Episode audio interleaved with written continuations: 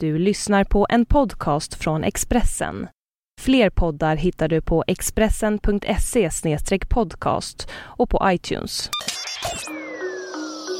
Handlarens dotter blev järnladyn, som en hel värld älskade och hatade. Det här är Expressen Dokument, ett fördjupningsreportage varje dag med mig, Johan Bengtsson, som idag läser Arne Lapidus text om Storbritanniens före detta premiärminister Margaret Thatcher. Hon var både älskad och hatad. Men om en sak är anhängare och motståndare eniga. Margaret Thatcher förändrade både sitt land och världen. Storbritanniens första och enda kvinnliga premiärminister ville kalla sina memoarer obesegrad för att hon aldrig förlorade ett val eller ett krig.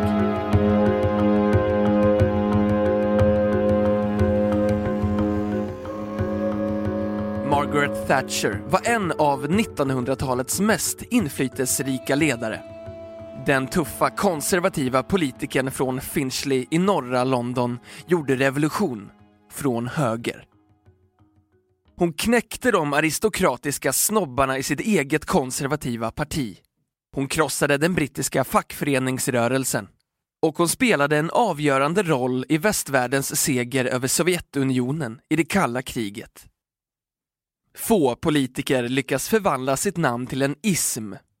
Men thatcherismen blev en ideologi som banade väg för en ny konservativ våg över hela världen. Min politik grundas inte på någon ekonomisk teori utan på saker som jag och miljoner som jag uppfostrades med. Ett hederligt dagsverke för en hederlig dagslön. Lev inom ramen för dina tillgångar. Lägg undan en sparad slant för dåliga tider. Betala dina räkningar i tid. Stöd polisen. Sammanfattade Thatcher sin politik. Det var en filosofi som hyllade arbetsamhet, pliktkänsla, duglighet och sparsamhet. Men den var samtidigt ett stridsrop mot välfärdsstaten och den organiserade arbetsrörelsen. Thatcher förvandlade 1970-talets nedgångna Storbritannien, som präglades av ändlösa strejker i gruvor och andra centrala näringar, till en modern och välskött nation. När Thatcher kom till makten 1979 var landet Europas sjuke man och stod på gränsen till ekonomiskt sammanbrott. När hon avgick 1990 var Storbritannien en ledande aktör på den internationella finansmarknaden hon fick visserligen kritik för att hon knäckte den brittiska fackföreningsrörelsen. Men hennes seger i folkopinionen underlättades av att motståndarna leddes av faktfullkomliga marxistiska fackbossar som gruvarbetarledaren Arthur Scargill. Många hatade henne för att hon urholkade välfärdsstaten. Hon fick öknamnet Thatcher the Milk Snatcher, mjölktjuven, för att hon ville dra in den fria mjölken till skolbarnen. Men till slut hakade till och med ärkerivalerna i det socialdemokratiska Labourpartiet på hennes kapitalistiska politik. Hon förändrade det politiska klimatet och Labour kunde efter decennier i den politiska öknen återta makten under Tony Blairs ledning genom att delvis anamma hennes idéer. Margaret Hilda Roberts föddes 1925 och växte upp under enkla förhållanden i en lägenhet över en av familjens två speceributiker i Grantham i Lincolnshire. Familjen var inte rik, men affärerna gick bra. Hon såg upp till sin pappa som var lekmannapredikant i metodistkyrkan och fritidspolitiker som avancerade till att bli den lilla stadens borgmästare. Pappa Alfred inpräntade ständigt vikten av kunskap, plikt och hårt arbete Margaret och hennes syster måste låna och läsa två böcker från biblioteket varje vecka. Minst en av dem facklitteratur. Flicka, du kommer aldrig någonstans om du inte arbetar, brukade pappan säga. Han uppmuntrade henne också till självständigt tänkande. Gör aldrig saker bara för att andra människor gör dem, var ett annat av hans återkommande budskap. Den unge Margaret gjorde pappans visdomsord till sin livsfilosofi. De kom också att prägla hennes politiska gärning.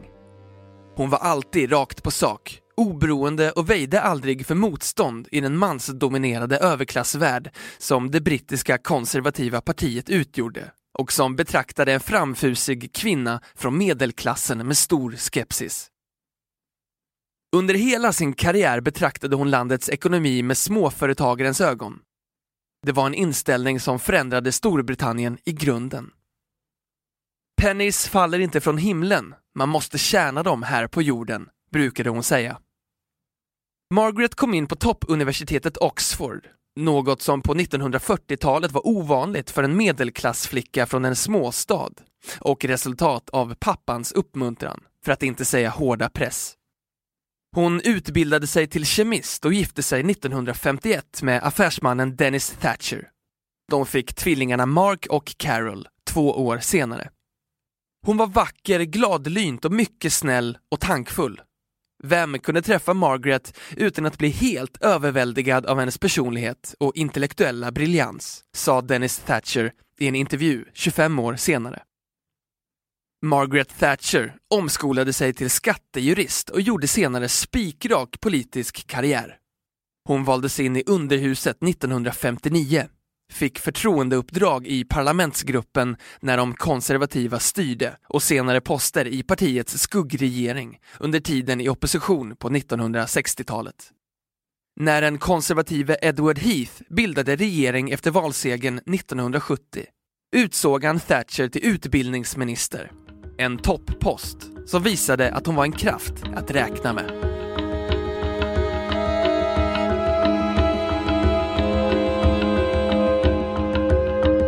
Expressen Dokument, en podcast från Expressen.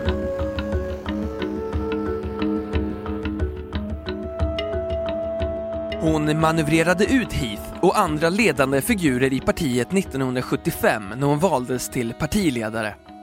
Fyra år senare kunde hon i triumf återföra de konservativa till makten efter en jordskredsseger i valet. Storbritannien var i djup ekonomisk och social kris och Thatcher såg sig som landets frälsare. Hon hade en djup inre övertygelse om att hon var den enda som kunde rädda landet, skrev hon senare i en memoarbok. Thatcher flyttade in i premiärministerns officiella bostad på Downing Street 10 och vann sen som partiledare och premiärminister tre val i rad, något som aldrig tidigare hade hänt. Hon blev Storbritanniens första och hittills enda kvinnliga premiärminister. Men hon kallade sig aldrig feminist och var inte intresserad av kvinnorörelsen. Nästan inga kvinnor nådde toppposter i Thatchers regeringar. Jag är inte skyldig kvinnorörelsen ett dugg, sa hon i en intervju 1982. Istället hyllade hon kvinnans roll som den som sköter hemmet och hävdade att samma principer gäller landets ekonomi. Varje kvinna som förstår problemen när det gäller att sköta ett hem kommer också närmare att förstå problemet när det gäller att sköta landet, sa hon i valkampanjen 1979 som förde henne till makten. Hon predikade den fria marknadens fördelar.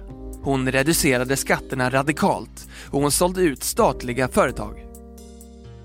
Samtidigt ökade de sociala klyftorna, liksom det ekonomiska gapet mellan den välmående södra delen av landet och de gamla industristäderna i norr. Motståndarna anklagade henne för att vara känslokall när hon minskade statens stöd och bidrag till de sämst ställda. Men hon hade majoriteten med sig och vann val efter val. Innan jag hade läst en enda rad av de stora liberala ekonomerna visste jag från min pappa att den fria marknaden är som ett enormt och känsligt nervsystem.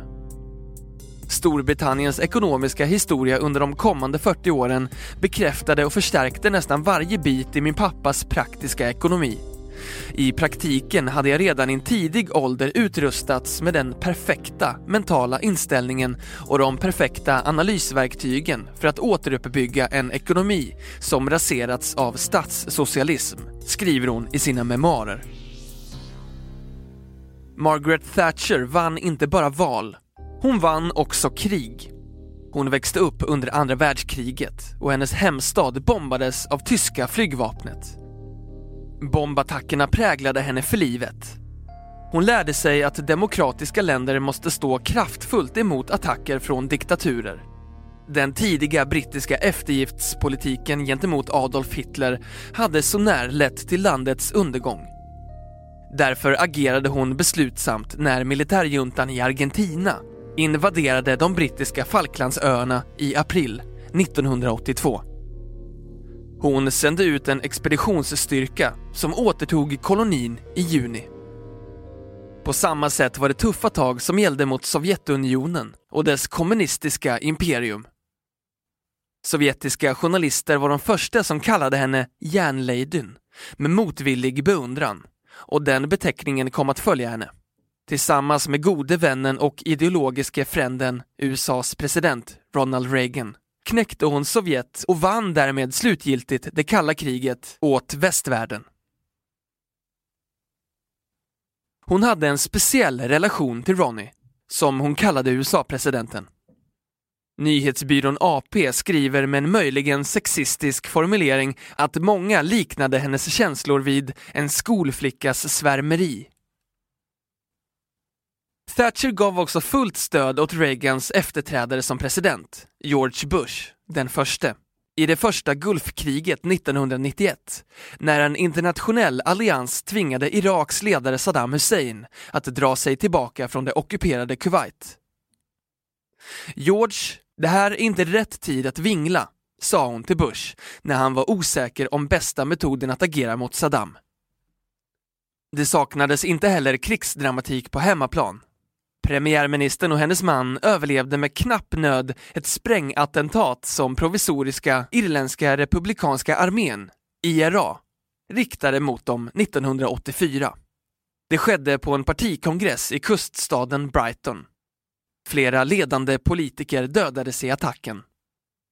Hon motsatte sig sanktioner mot apartheidregimen i Sydafrika, något som väckte stark kritik mot henne både hemma och internationellt. Margaret Thatcher drog sig tillbaka från politiken obesegrad. En intern revolt i partiet fick henne att avgå 1990. Hon skulle kanske ha kunnat vinna också den maktkampen, men valde att dra sig tillbaka för att favoriten John Mayer skulle kunna utses till efterträdare. Fast inte heller Mayer sparades hennes vassa tunga. Hon förklarade senare att han var den bäste i ett uselt gäng. Thatcher lämnade underhuset 1992. Hon adlades och blev baronessan Thatcher med plats i överhuset, där hon fortsatte att hålla politiska tal. Hon började också resa världen runt och hålla välbetalda föredrag. Maken Dennis dog 2003. Det var ett svårt slag för Margaret, som i alla år haft mannen som kanske sin närmste rådgivare. De var gifta i över 50 år och Dennis levde ett liv i skuggan av sin dominanta hustru. Hon slutade framträda offentligt 2002 efter en serie slaganfall. Författaren Charles Moore, som skrev en biografi över Thatcher, berättar att han en gång frågade henne vilken titel hon skulle vilja ge sina memoarer. Obesegrad, svarade hon utan att tveka. Men till slut fick järnladyn vika sig för förlagets vilja och ge boken det mindre dramatiska namnet Åren på Downing Street. Margaret Thatcher blev 87 år gammal. Du har hört Expressen Dokument, ett fördjupningsreportage om den obesegrade Margaret Thatcher av Arne Lapidus, som jag, Johan Bengtsson, har läst upp.